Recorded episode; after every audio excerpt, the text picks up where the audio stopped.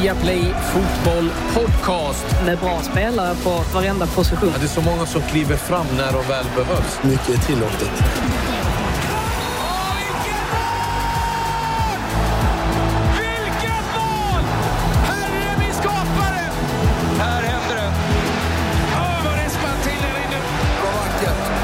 Nej, bästa dagen på året. Det största som har hänt fotbollen någonsin i princip. Hjärtligt välkomna ska vara till Viaplay Fotboll Podcast. Ja, det börjar närma sig slutet av säsongen. Premier League är över, men vi har ju en Champions League-final bland annat att blicka fram emot. Med mig här har jag Bojan och Frida med från London som vanligt. Hur är läget Bocky? Skit. Skit. Riktigt skit om jag ska vara helt ärlig. Jag vill inte ens komma idag. Jag kanske sov tre, fyra timmar. Jag brukar ändå inte sova så länge, men efter Uniteds finalförlust igår mot Villarreal, då var det verkligen tungt. Det var en tomhetskänsla, eh, irritation, besvikelse. Att jag verkligen trodde att nu måste man över tröskeln. Nu måste man ta hem den här pokalen, även om det är Europa League.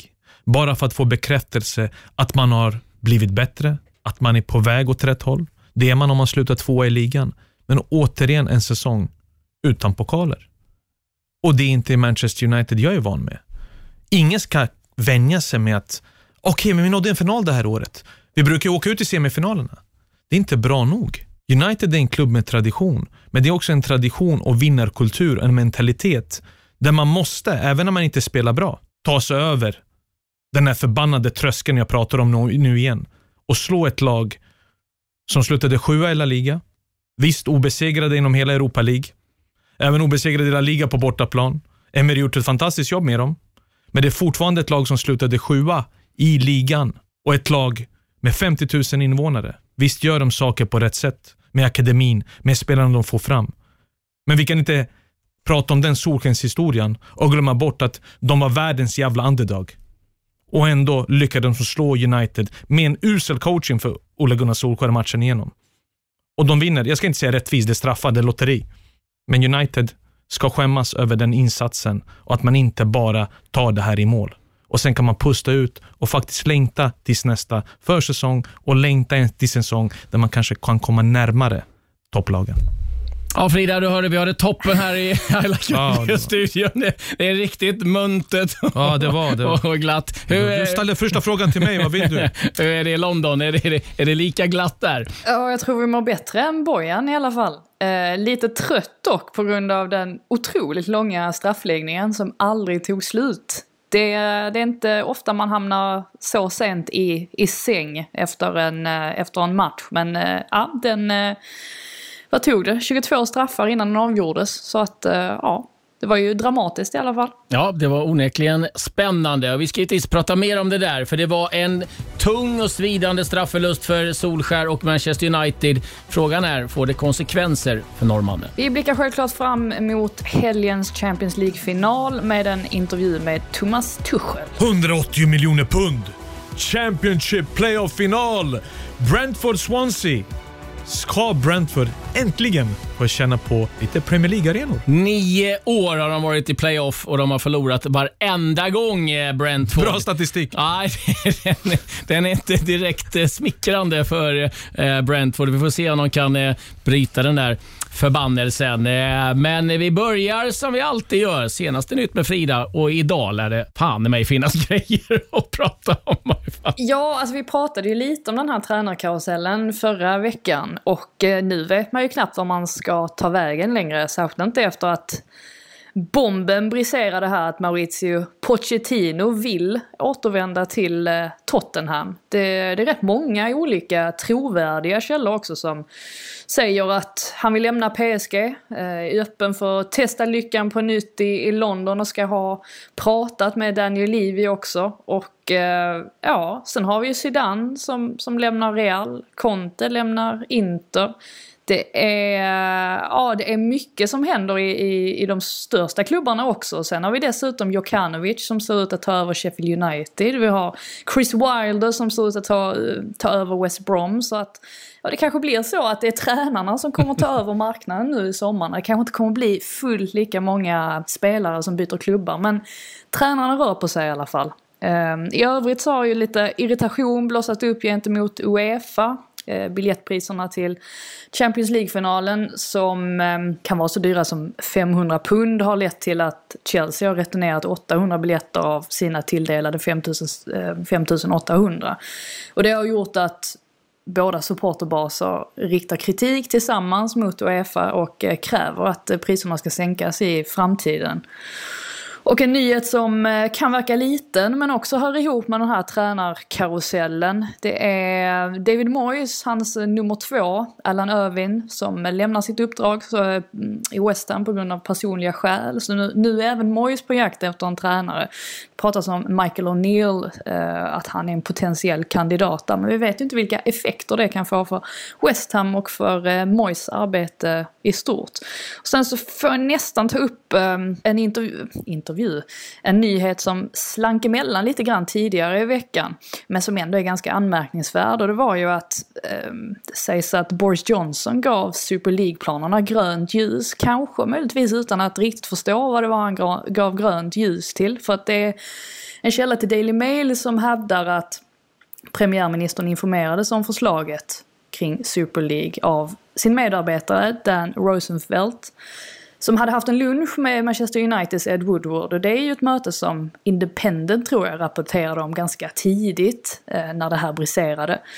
Och om de här uppgifterna stämmer så innebär ju detta att Johnson ljög när han påstod att han inte kände till ESL-planerna. Eh, som ju sedermera då väckte väldigt stark ilska bland supportrar och tränare och ja, vi vet ju alla hur det gick med det projektet.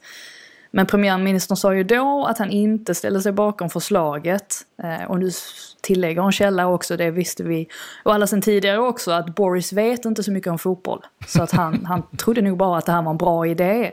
Men vi får se vad det blir för eh, Eh, ja, alltså hur det här följs upp. För att eh, den som håller koll på sin brittiska eller engelska politik vet ju att eh, Boris Johnson inte har det helt lugnt just nu. Det, det händer ganska mycket kring honom. Så det var, det var lite av vad, jag, av vad jag hade. Lite spretigt insåg jag, men eh, ja, det är så det fick bli. Så säga det, det man har liksom läst om eh, det som hände i brittisk politik så verkar inte Boris Johnson ha koll på varken fotboll eller något annat. Eh, vad det gäller eh, tränarkarusellen så Allegri klar för Juventus och då blir det ju att Pirlo får sparken. Så det är givetvis eh, väldigt intressant. Eh, vi ska också lite vad det gäller spelarfronten. Jack Wilshere släpps nu av eh, Bournemouth och letar då ny klubb. Det gör även Daniel Sturridge, en annan spelare med en eh, skadehistorik liknande den Jack Wilshere. Har ju varit klubblös sedan han lämnade Trabzonspor. Har befunnit sig i Los Angeles och eh, tränar nu eh, för fullt för att eh, komma tillbaka. Man glömmer bort, han är faktiskt bara 31 år gammal, Sturridge. Så får vi se lite vad som händer där. En annan stor nyhet som kan eh, blir intressant eh, givetvis det är att på fredag så verkar det tas ett beslut eh, av Uefa om man ska skrota bortamålsregeln som eh, har funnits sedan 1965. Och Det är ganska mycket som tyder på att man eh, kommer att ta bort den helt enkelt. Så får vi se vad det får för effekter framöver. Och jag eh, ska också säga att eh, Luka Modric har förlängt med Real Madrid eh, till 2022. Bojan, jag måste få din reaktion på Pochettino. Jag trodde du skulle säga United, så jag har precis pratat om United. Ja, det ska du få prata mer om alldeles strax, men Pochettino tillbaka. Ah, jag får inga bra vibbar. Vet du vad? Jag tänkte så som du gjorde på vägen hit. Jag sa, men det är väl den bästa tänkbara lösningen för att supportrarna ska få känna ett lugn. Någon som gjorde klubben starkare, någon som gjorde klubben bättre, någon som faktiskt hade struktur, idéer, någon som känner klubben ut och in och det är väldigt viktigt. Och plus är det han som tog klubben tillbaka till någon slags succé. Ja, det var inte längre förlora stämpel på samma sätt. Ja, de vann ju ingenting, men fortfarande var det Champions League-platser. Det var fortfarande en Champions League-final. Det var kul att se på Tottenham. Och Jag tror ifall han kan öppna plånboken lite, så kan ju inte hitta någon bättre tränare just nu när Tottenham befinner sig i brygga än Pochettino. Det är problemet ju också att när man har haft sån succé, när man återvänder den andra gången, då oftast blir det ju skit. Mm, det är lite det jag känner. att som... Men han behöver ju ifall han kommer tillbaka, hitta tillbaka till energin och glädjen han hade i början. För han såg ju väldigt trött ut där med alla, alla, alla problem han hade eh, behind the scenes, alltså bakom kulisserna, med ledningen, med spelarna han inte fick in. Så nu måste du ha en Pochettino där som faktiskt ser det här som den första dagen i skolan. Leende på läpparna och faktiskt göra den här truppen mer slagkraftigare och kanske också bli en man som kan behålla Harry Kane åtminstone en säsong innan flyttlasset drar vidare. Mm. Så jag hörde också att Danny Rose och Gazzaniga nu klart kommer lämna Tottenham. Vad, vad, tror du Frida? Tror du att det är en match made in heaven eller kommer det skära sig igen? Alltså är man desperat att ha kvar Harry Kane i Spurs så är väl det här det bästa man kan göra egentligen. Ehm, men jag håller med. Jag, alltså på ett sätt så kan jag ju tycka att det är den bästa lösningen just eftersom att Spurs är ju på jakt efter en tränare som påminner om Pochettino. Man vill ju inte ha en tränare som José Mourinho igen, man lärde sig ju sin läxa där. Så på så sätt så kan det ju inte finnas en bättre lösning än att plocka in den faktiska Maurizio Pochettino. Sen samtidigt, alltså han kommer ju till ett lag som egentligen har tagit steg bakåt snarare än, än framåt. Det finns fortfarande en massa problem som ska lösas. Men eh, ja, sluter Livi och Pochettino fred så eh, är jag väl ändå lite nyfiken på att se hur det möjligtvis kommer att gå då. Sen är jag dessutom nyfiken på hur arbetsmiljön i PSG är för att jag vet inte om man är så desperat att lämna efter sex månader, då måste det ju ha hänt någonting där. Känner man. Nå någonting är det ju som har hänt. Eh, vi vet ju att Neymar har förlängt. Det är möjligt då att eh, Mbappé har gjort det tydligt att han vill lämna. Och Sen vet vi också att det är truppen i övrigt i PSG behöver ju fräschas upp, för det finns mycket spelare i den truppen som inte håller klassen. Ja, det behöver fräschas upp och sen behöver vissa spelare också ta deras flyttlass och uh, gå vidare. Det hade varit fantastiskt att se en spelare som Marquinhos i Premier League till exempel. Mm. Marquinhos hade varit drömvärvning för vilket topplag och toppklubb som helst. Och Jag tror inte prislappen skulle vara ens i närheten av den som Harry Maguire köptes till exempel till Manchester United, även om han är engelsman. Han har rätt ålder, Eh, Eh, rätt karaktär, ledarskap och en sån spelare ska man inte bara slösa bort i den franska ligan där kanske också hans tro på det här laget kan nå ytterligare kanske en Champions League-final och vinna den blir större. Vem ska ta hand om det laget? Arbetsmiljön, bakom kulisserna, strukturen. Tuchel hade problem, ja han är speciell, men nu är det Pochettino också. Spelarna styr där och många stora tränare med stora namn kan inte hantera det att de själva inte får det sista ordet. Sista ordet i PSG kommer alltid Mbappé och Neymar ha. Det får du inte glömma bort. Det är sjukt att spelarna har så stor makt. Men när du har sådana två stora världsstjärnor, då är det oftast att ledningen, de som pungar ut pengarna, tar alltid de två herrarnas sida. Ja, det ska bli intressant. Eh, och som sagt, eh, Zidane, tar han ett nytt jobb? Conte, vad ska han in och riva runt någonstans? De skulle behöva en sån som Zidane, PSG. Alltså, det är så man-to-man management. Ja. Ingen någon som tar ut dem på en träningsplan och kör igenom taktiska delar och drillar dem. Utan de vill känna igen det här som Zidane har.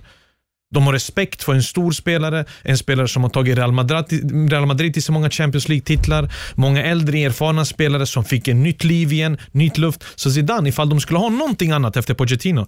Zidane, ifall han vill ha ett klubblag till, PSG hade varit perfekt alternativ. Mm, jag tror de vill ha honom också. Det är mycket lättare att behålla de jag spelarna tror alltså PSG kommer gå efter Zidane. Ja, verkligen. Han är, ju, han är ju allt som PSG vill ha.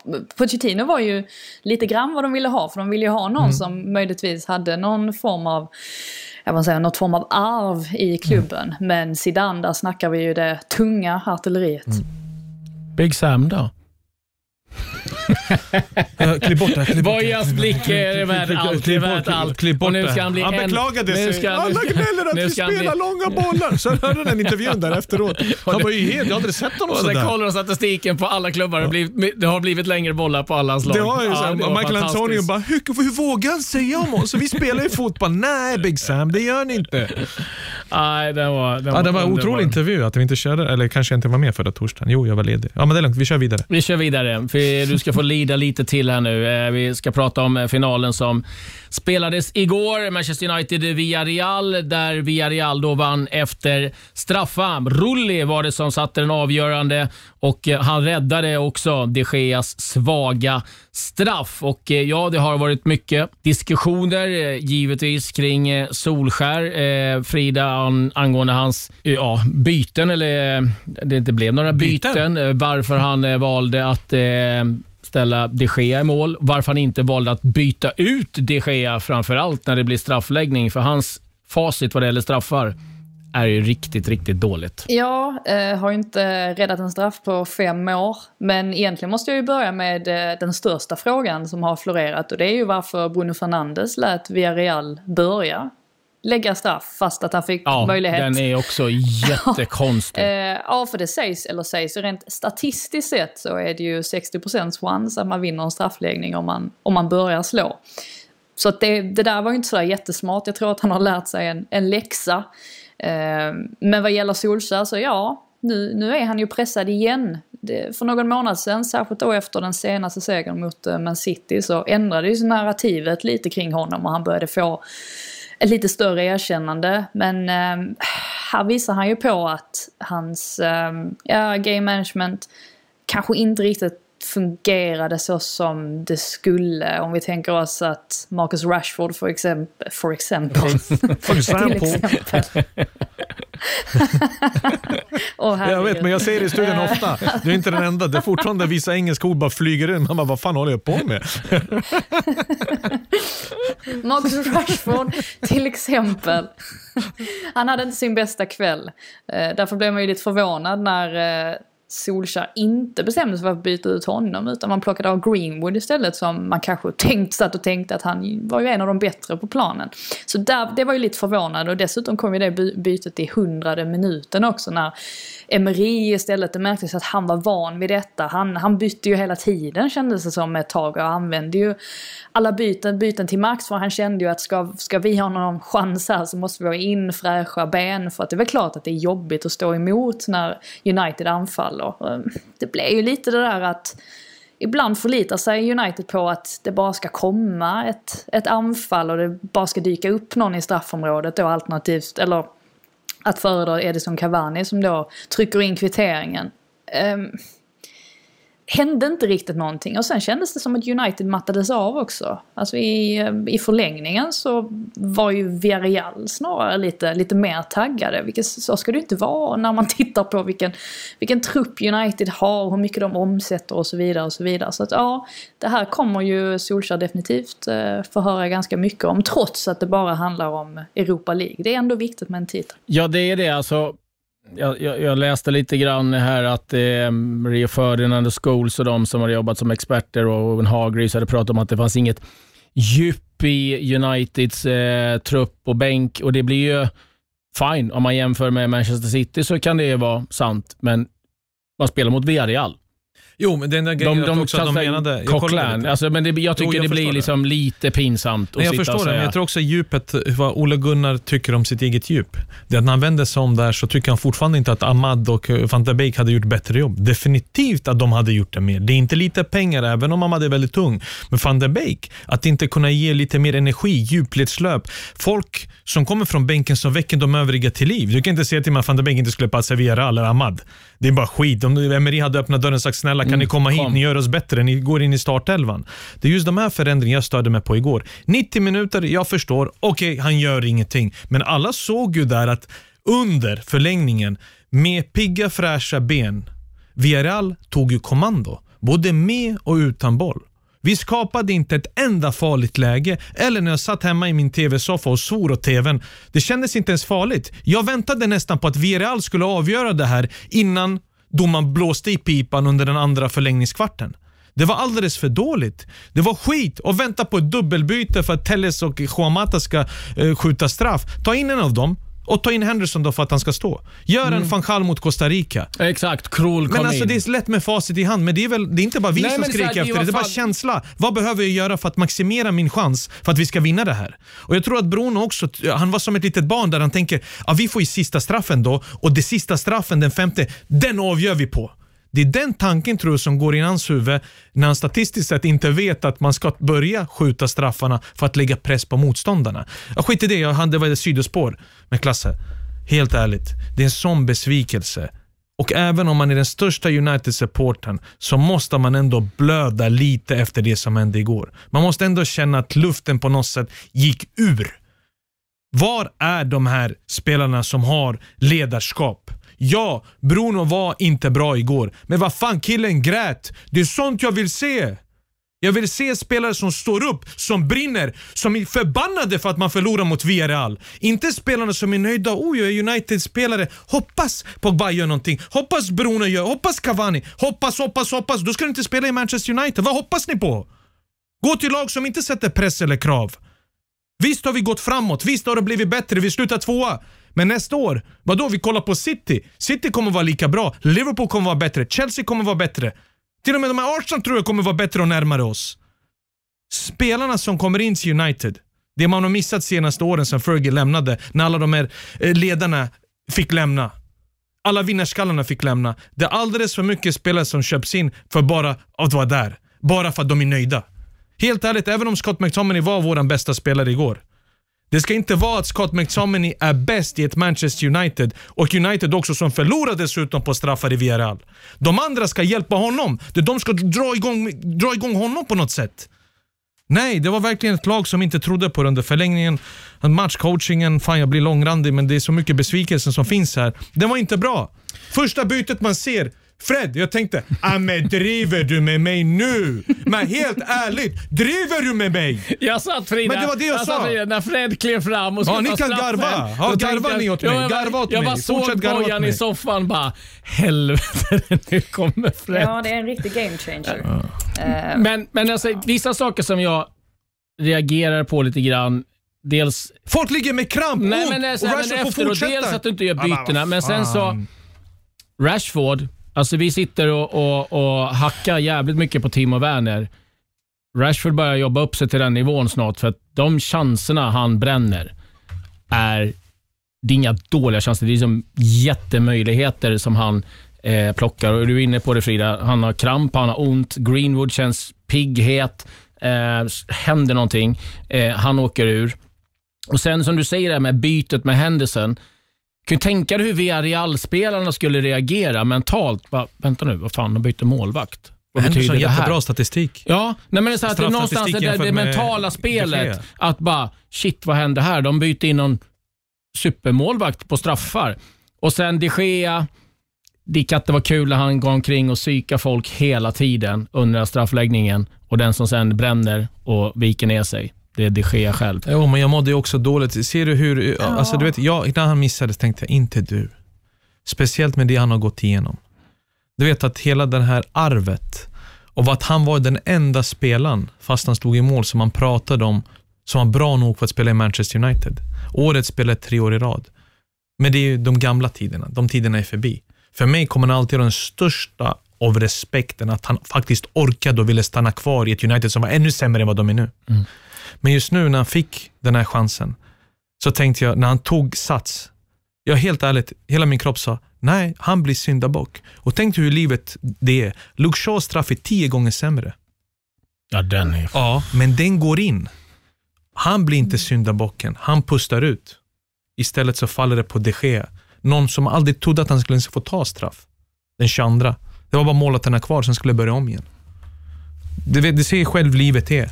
Jag vet vad jag menar Frida. Ja, nej, man tycker ju synd om jag- honom. Jag, jag, Alltså, tycker synd om det, absolut. helt Jag förstår Jag var liksom. förbannad men jag tyckte synd om det. Mm. Att just att han ska få så pass mycket skit. Det är ju synd också om honom med tanke på att han ju faktiskt har varit bättre än din Henderson de senaste veckorna. Ehm, Och alltså just av den anledningen så tycker man att det var ju absolut inte fel att, att spela honom i finalen igår på något sätt. Det var ju rätt val. Men som sagt, det är väl klart att man hade kunnat göra ett, ett sent byte här. Det hade ju möjligtvis kunnat förändra eh, någonting. Det är, det är små marginaler man faller med. Men jag kan inte komma, komma ifrån att Villarreal som ju liksom är en så mycket mindre klubb och har så mycket färre framgångar, att de kändes som det rutinerade laget totalt sett. Och det är ju säkerligen tack vare Emery då, som har ju den, sitter på den rutinen i många sådana här turneringar. Ehm, för att den, den känslan fick jag inte av Det United. är ändå ett ganska rutinerat lag.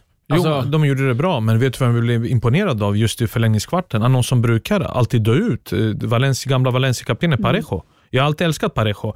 Ah, Han har varit lite som en dieselmotor med en fantastisk fot, spelförståelse. Men Valencia ville sig göra av med honom. Fansen ville inte släppa honom.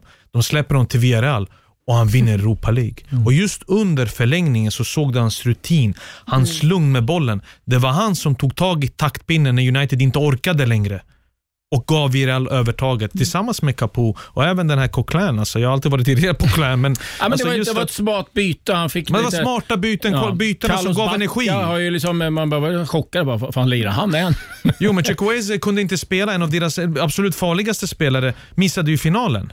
Och så fick ju Backa den möjligheten tillsammans med Moreno som är alltså, helt otrolig. Alltså 30 målet för säsongen. Så att Emery ska ha cred för det där. Man- ser ju också på, alltså vid Villareals mål också, att det där är ju inövat. Så, alltså det, det är ju så uppenbart att det är så. Det var många som ville skylla på Lindelöf i den situationen. Jag, jag tycker inte att det är hans fel. Alltså, det märks att det här har de tränat på på träningsplanen och just det här eh, att Albiol också, att han, att han blockar Bajie helt. Det är klart att det också liksom ingick. Det var så tydligt att det kom från Emerys handbok. Och återigen så, det visar ju att de var bättre förberedda på något sätt. Och det tycker jag, alltså när jag säger att Villarreal inte har lika mycket rutin, då menar jag ju klubbmässigt att det är klart att en klubb som Manchester United, att de ska, de ska komma bättre förberedda till en sån här match. Men eh, ja, min känsla var att de var inte det. Ja, det började ju bra. Alltså min känsla var när de backade hem via Real United hade boll. Man väntade bara på första målet. Jag trodde helt ärligt, inte på en överkörning, men en väldigt bekväm seger.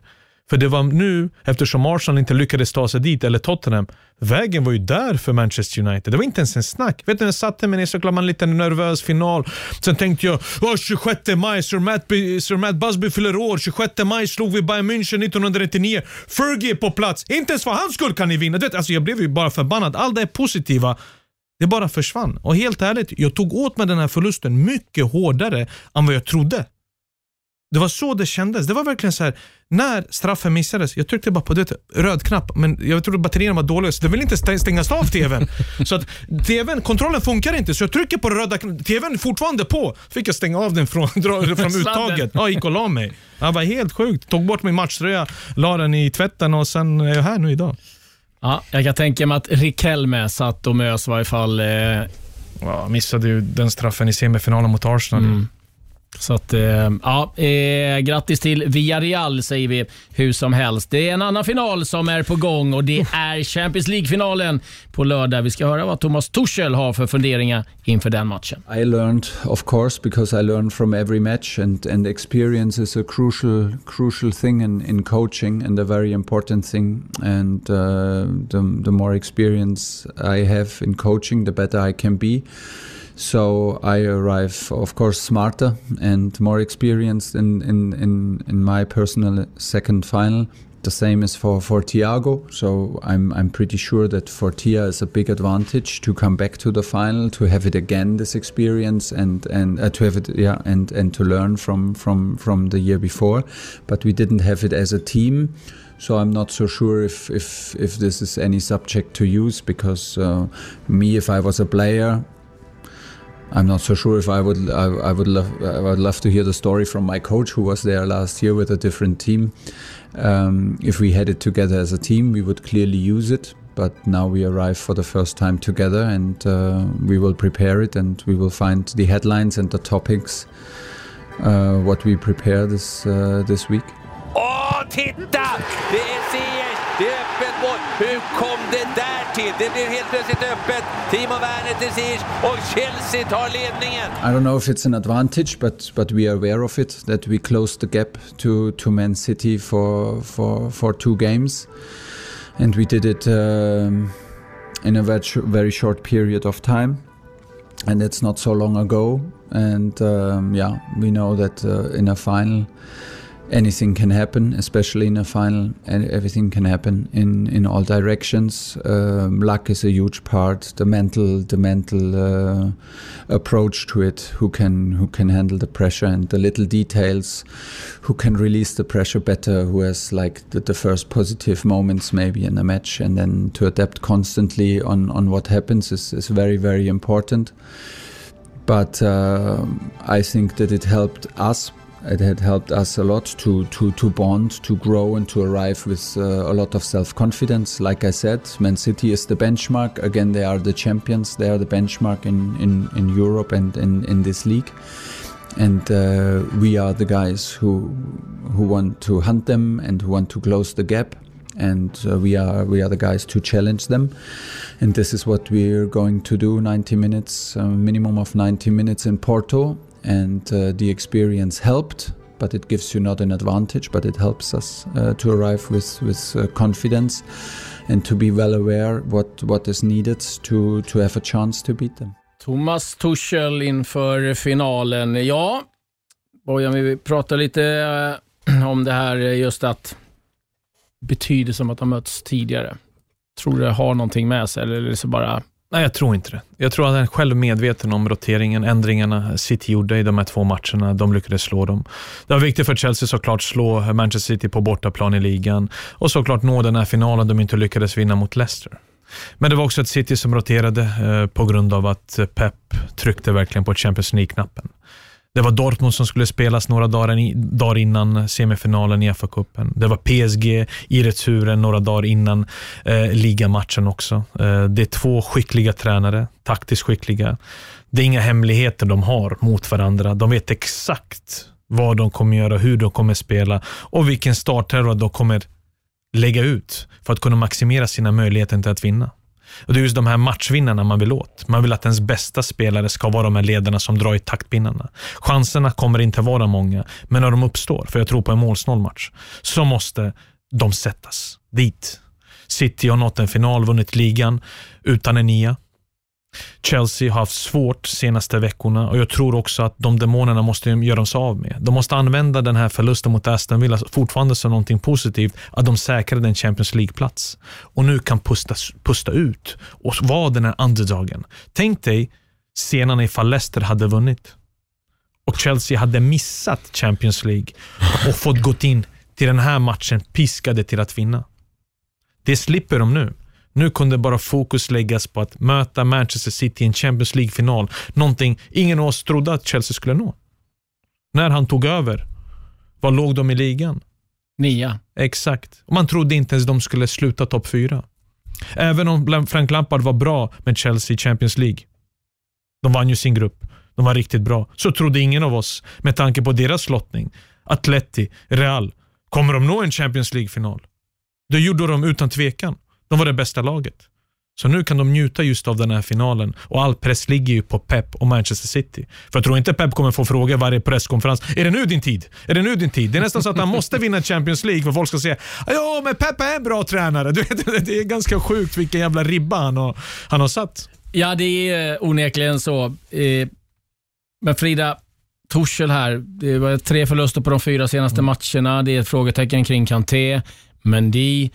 Uh, han har antagligen en del frågetecken kring Werner, Tammy Abraham, uh, Giroud, för det är som Bojan är inne på, de få chanserna de kommer få, de måste sitta. Det, det är inte ett helt lätt läge för Tuchel heller. Här. Nej, det är ju otrolig statistik att uh, Jorginho är deras bästa målskytt den här säsongen i ligan mm. med sju mål. Uh, alltså det är ju alltså den minsta det minsta antalet mål som eh, en Chelsea-spelare vinner den interna skytteligan med sen andra världskriget tror jag det var. Och det säger ju ganska mycket, och det är ganska talande för att de har haft problem på sista tredjedelen. Eh, och jag tror att eh, Tammy Abraham är ganska högt upp på den listan och det känns ju som att han inte har spelat på fyra månader eller någonting. Så länge sedan är det väl inte, men mm. han är ju uppenbarligen inte Tuchels första val eller andra val och lär väl lämna klubben i sommar också. Ehm, jag tycker väl inte egentligen att de har spelat sådär jättedåligt de senaste veckorna. Alltså ta mötet med eh, Arsenal exempelvis. Det är ju Ja men det är ju ett sånt där slarv, misstag av Jorginho som leder till målet och sen så trycker ju faktiskt Chelsea på resten av matchen men får inte hål på Arsenal. Tycker väl inte att eh, fa kuppfinalen inte jättemycket att skämmas över. Det var inte så att Leicester dominerade den matchen utan det var ju återigen att man inte hade flytet på sin sida och man inte var tillräckligt klinisk framför målet. Men det är klart, alltså hamnar Timo Werner i den situationen nu i Champions League-finalen så måste han ta sig samman och undvika att springa offside eller att bomma målet från två meters håll. För att vi, precis som Bojan är inne på så det kommer inte bli sådär jättemånga chanser. Och just därför så känner man väl att Manchester City går in i det här ändå med kanske en lite skönare känsla. De, precis, de har inte heller någon nummer nio, men har ju ändå delat upp målskörden ganska bra, eller ganska väl emellan sig. Så att på där känner de sig nog eh, lite säkrare ändå jämfört med Chelsea. Men som sagt, jag tror ändå att det kommer bli väldigt, väldigt eh, jämnt. Det här är ju uppenbarligen två lag som känner varandra ganska väl. Även om Guardiola då roterade väldigt kraftigt senast. Kanske möjligtvis för att Tuchel inte skulle eh, ja, bli, bli alldeles för inkörd i, eh, eller införstådd i hur de spelar. Men jag hoppas i alla fall på en, på en bra match, underhållande match. Och eh, ja, jag, jag, tror ju att City är, är de som kommer att stå där med bucklan i slutändan. Mm, vi hoppas att domare Lahos inte förstör den här finalen. Det är ju en herre som har en förmåga att ta, ja, ska vi säga, med, många tycker att Mike Riley eh, gillar att eh, synas, eller Mike Dean ska vi Mike säga, eh, så är det här ju tio gånger värre och det här är en tränare som Pep har ryckt ihop med massor gånger. av gånger. Så att, eh, ja, det, det kan bli en intressant eh, liten detalj i den här finalsnacket. Ja, det är en häftig match som vi har att se fram emot. Eh, Chelsea mot Manchester City. Ska City äntligen ta den där efterlängtade Champions League-titeln? Det är väl frågan det. Nu är det dags för Tipshörnan.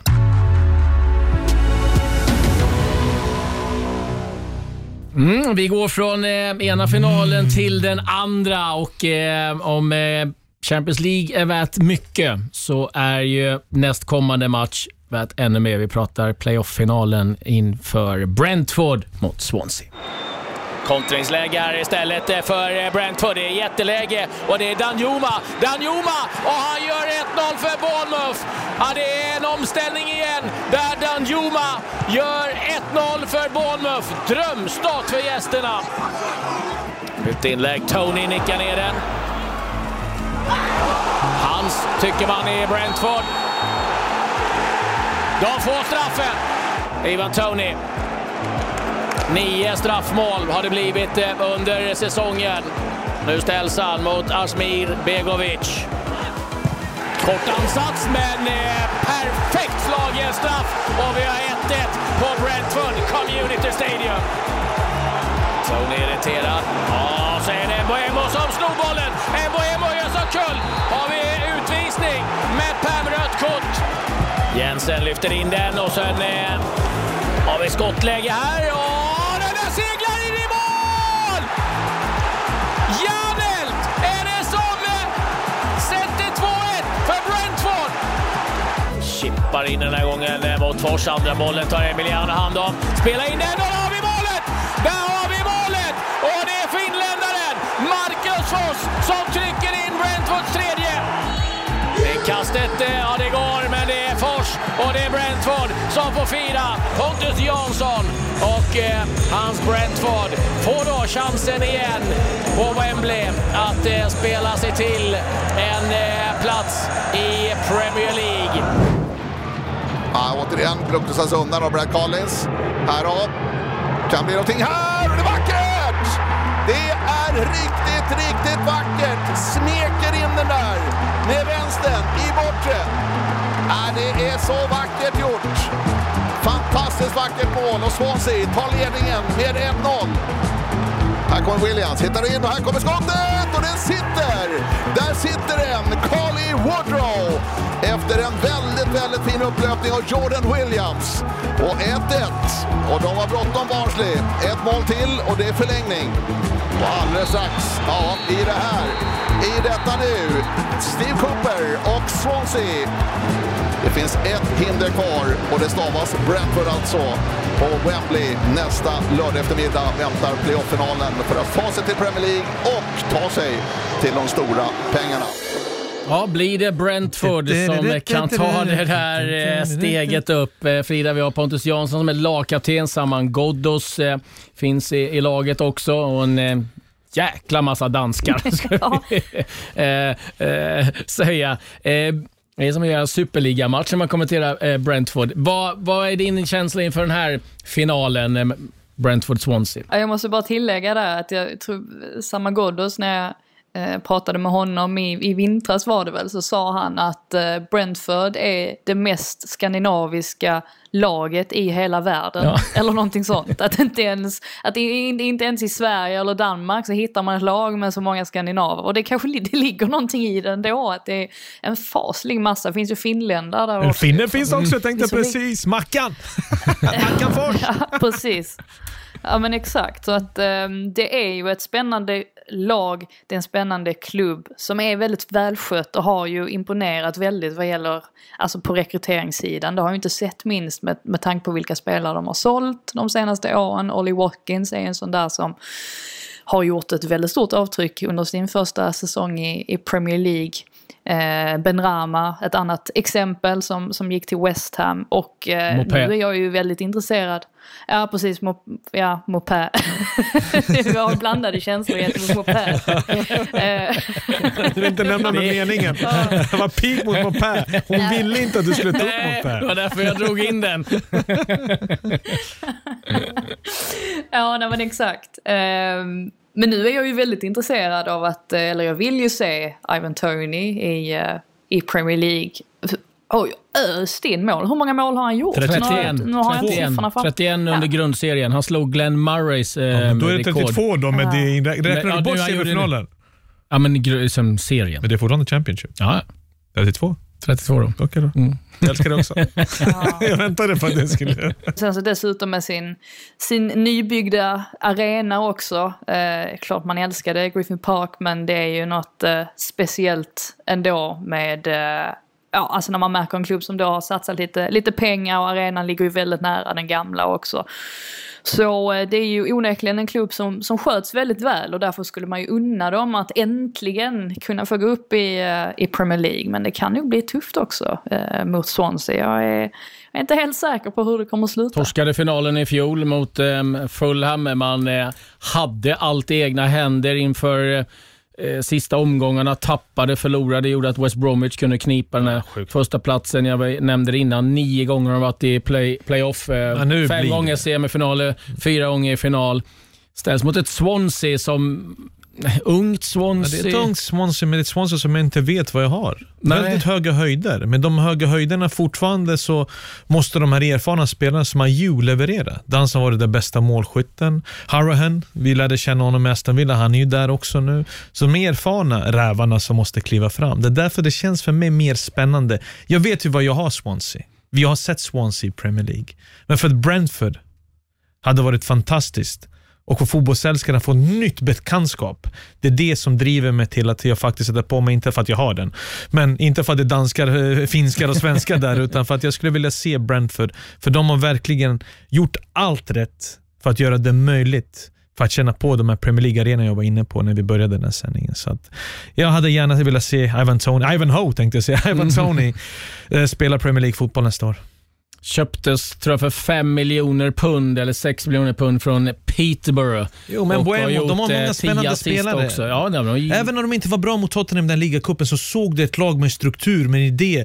Eh, De vinner ju matcher för att de helt enkelt har en bättre taktik, en bättre idé. Du vet, de förlitar sig inte på att göra motståndarna sämre och ge dem bollen, utan det är de som vill tävla med de stora. Det är de som vill driva en matchbild vidare. Så att de känns mer spännande, för att jag kollar ju så jävla mycket på Championship. Det känns mer spännande med Brentford än med Swansea om man ska vara helt ärlig. Ja, det känns, eh, kan jag också hålla med om, att det är lite roligare. Dels med, med svensk koppling givetvis, eh, med eh, Jansson och Ghoddos och alla dessa danskar som är överallt. Men, Glöm inte finnen. Det är nej, viktigt. De, Forsen, han är en, han var man ju är den stark. stora hjälten. Han gjorde, fan, han gjorde åtta mål. han är han stark. avgjorde. Ja, Nej, så att vi ska inte glömma, vi ska inte glömma Mackan. Nej, det ska bli kul att se den här finalen. Jag nämnde det innan. 180 miljoner pund pratar man om att en plats i Premier League är värd idag med eh, då intäkter från tv-avtal och sen kommande fallskärmar som kommer om man då skulle åka ur. Så att eh, den matchen ser ni på lördag, så det finns både en playoff-final och en Champions League-final att se fram emot på lördag, så missa inte det. Nu ska vi lyssna lite på vad Gareth Southgate hade att säga när han tog ut en bruttotrupp till EM. Well, I, I could easily get drawn into talking about any number of individuals that might be in the 26, and then I'm going to get myself in a mess. So, um, what I would say is you're you're looking at four right backs, and I know people feel I have an obsession with right backs. I just see four good footballers. Um, Trippier can play right back or left back. Trent can play right back, wing back. I think he can play in midfield. In the last few days, I've seen Reece James play right of a three at wing back in the middle of midfield.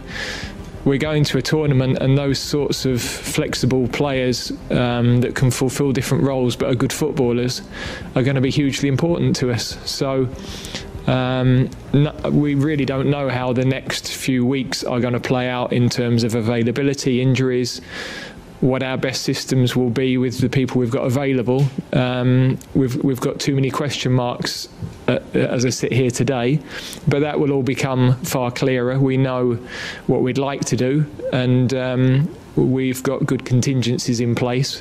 With this squad, we've got a nice balance of some young players who if they're with us for one week or for five weeks, it's going to be a brilliant experience for them. And um, um, we, we, wanted to see some young players in this group as well.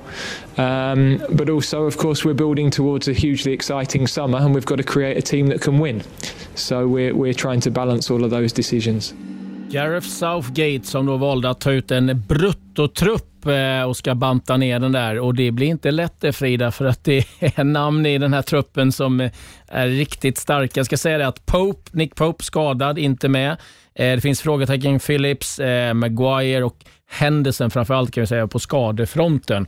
Men sen är det ju en uppsjö av unga spännande talanger som eh, han ska gallra bort här nu. Vad, vad, vad är din känsla? Vad har det pratats om? Vad, vilka tror man i England får, får lämna den här bruttotruppen? Ja, nej, men det är ju det som är så intressant. För att vissa kan man ju eh, alltså välja bort direkt. Eller alltså, vissa spelare som man man känner på sig att de här är bara med för att ja, se och lära lite grann. Och en sån är ju givetvis Ramsdale då, som lär försvinna. Eh, vi har även Ben White som lite oväntat eh, fick ett eh, samtal från Southgate. Och eh, ja, där har ju det dykt, eller florerat en Eh, en, en diskussion då huruvida, huruvida han förtjänar att vara med. Alla förstår ju att det, det lär ju bara vara en vecka, sen försvinner han. Men då pratas om att Tomori är en mycket bättre mittback än honom, så varför får han chansen? Och jag kan väl mest känna att det finns två andra mittbackar i Brightons backlinje som faktiskt är bättre än Ben White. Men de är väl lite för mycket till åren antagligen för att Southgate skulle... Och Frida, Frida, vill in i hela, Frida vill ha in i hela Brighton utan moped. burn baby burn! Vad är Dan Burn då?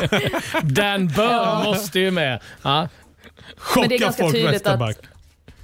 ja, men det är ganska tydligt att de spelarna som Southgate tog ut är ju spelare som kan spela på, på många olika positioner och det är ju någonting som blir väldigt viktigt i en turnering. Alltså någonting som jag ska ta upp, förutom den här Trent Alexander-Arnold diskussionen, givetvis nu är han uttagen, vet inte riktigt vad som kommer att hända, om han kommer med eller om Southgate känner att han blir överflödig, att det finns andra han vill satsa på. Det jag förvånas mest över, som jag har sett ganska mycket bland brittiska journalister också, det är att man tycker att Kieran Trippier har gjort sitt, att han inte borde vara med i truppen. Och det förvånar mig väldigt mycket, för att då kan man inte ha följt La Liga sådär jättemycket den här säsongen och vad han, och vad han har gjort i, i Atletico. Eller man underskattar i alla fall La Liga och den kvaliteten där. Och dessutom så, jag vet att jag har sagt detta tidigare när vi har pratat om landslaget, att för Southgate så är det väldigt viktigt hur man har presterat i tidigare landskamper. Och det är därför Alexander Arnold ligger riset på det. För att han aldrig riktigt har övertygat Southgate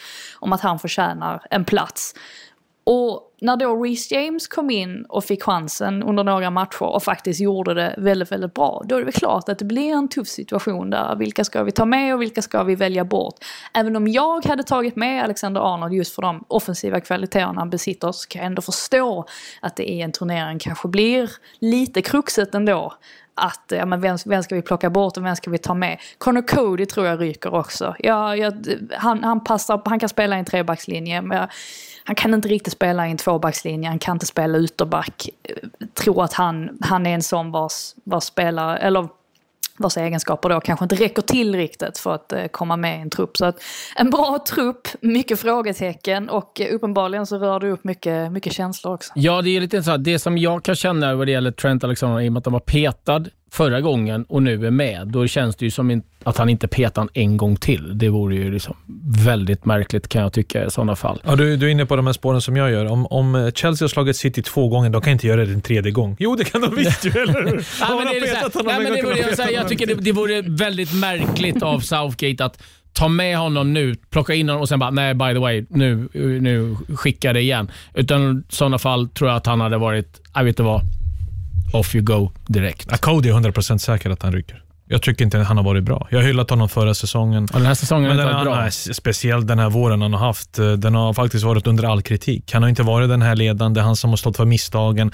Han har inte tagit tag i den här backlinjen och Polo Hampton har inte haft en lyckad säsong. Ja, visst kan man säga att de har spelat väldigt mycket matcher, men det, det gick inte att känna igen det här energifyllda försvarsspelet, både det hö- höga och det låga, där han själv har kostat på sig en massa, massa misstag och jag tror att han blir den första som får lämna. Så jag är lite så här, Godfrey, bra. Också svajat en del. Eh, Maguire vet vi, hans eh, skadesituation. Tyrone Mings har inte direkt eh, varit någon eh, superback den senaste tiden. Stones vet vi, han, eh, men det är på mittbacksidan, det är ju där det finns problem. Ja, det finns det problem. Och jag gillar också att vi i Sverige alltid diskuterar mer Englands trupp bara för att vi har Premier League-podd. Bara, men svenska truppen spelar ingen roll. Vi vet att Granen kommer med. Det är alltid den här. Ja, men, det alltså, men lyssna på de här, vad de har fram. Bellingham, det är Henderson, Lingard, Mount, Phillips, Declan Rice, Ward Prowse. Ah, han måste ju åka. Eh, Calvin Lewin, Foden, Grealish, Greenwood, Kane, Rashford, Saka, Sancho, Sterling, Watkins. Det är inte lätt att, liksom, att rassla bort en del av de här offensiva krafterna. Grealish, med eller inte Frida? Ja, Med 100 procent. Oh, förlåt, Frida sa.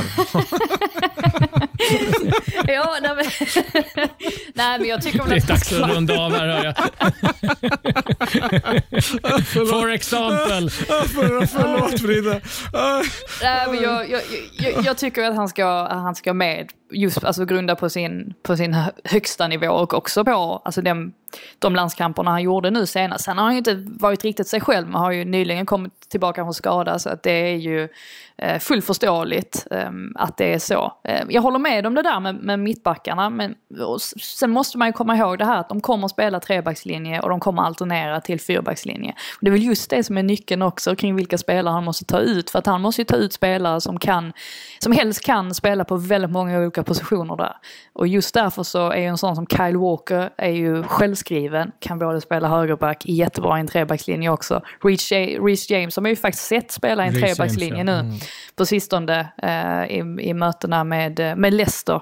Och att han eh, klarade av den uppgiften väldigt bra. Så att det, är nog mycket sånt eh, Southgate eh, tittar på. Eh, att han vill ju se till att ha en, en trupp som är så mångfacetterad som möjligt. Det säga om man tar hem en, en sån här turnering. Mm, vi får se eh, vad han väljer, eh, den gode Southgate. Eh, en sak är säkert, han kommer få skit hur han än gör. Ja, ja. England. Och, och, och Frida, är du förvånad över att de inte har kollat på Trippier i, i La Liga, de här engelska journalisterna? De har ju en stenkoll på vad som händer i, i andra länder. Alltså jag blir ju jag blir förvånad när det är journalister som arbetar på sajter och tidningar där man tänker, alltså som man ser, eh, ser som väldigt trovärdiga och som eh, man värderar väldigt högt. Där tycker jag det är ganska konstigt. Sen inser jag väl att det är inte som att vi, eh, typ, lite, lite annan, lite märkligt att jämföra kanske, men det är inte som att vi har någon aning om, eller de flesta har ingen aning om huruvida Kristoffer Olsson har varit bra i den ryska ligan den här säsongen eller inte. Jag tror inte, jag tror inte att det är jättemånga som har stenkoll på alla hans insatser. Och, och konstigt nog så är det väl lite så för engelsmän att följa en annan liga. Man, det är inte så många som gör det helt enkelt.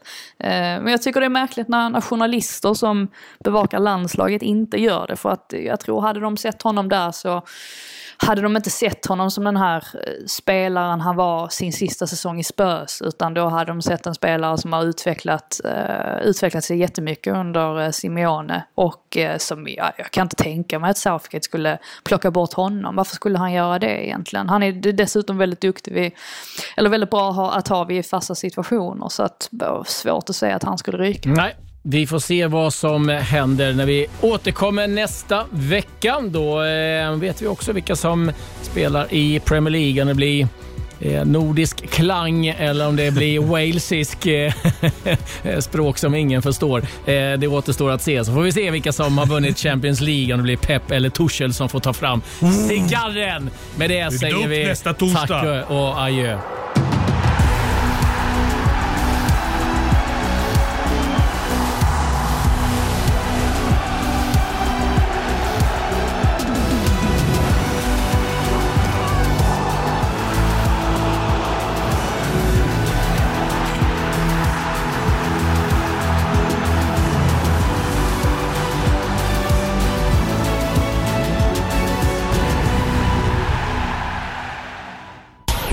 Produceras av I Like Radio. I like radio.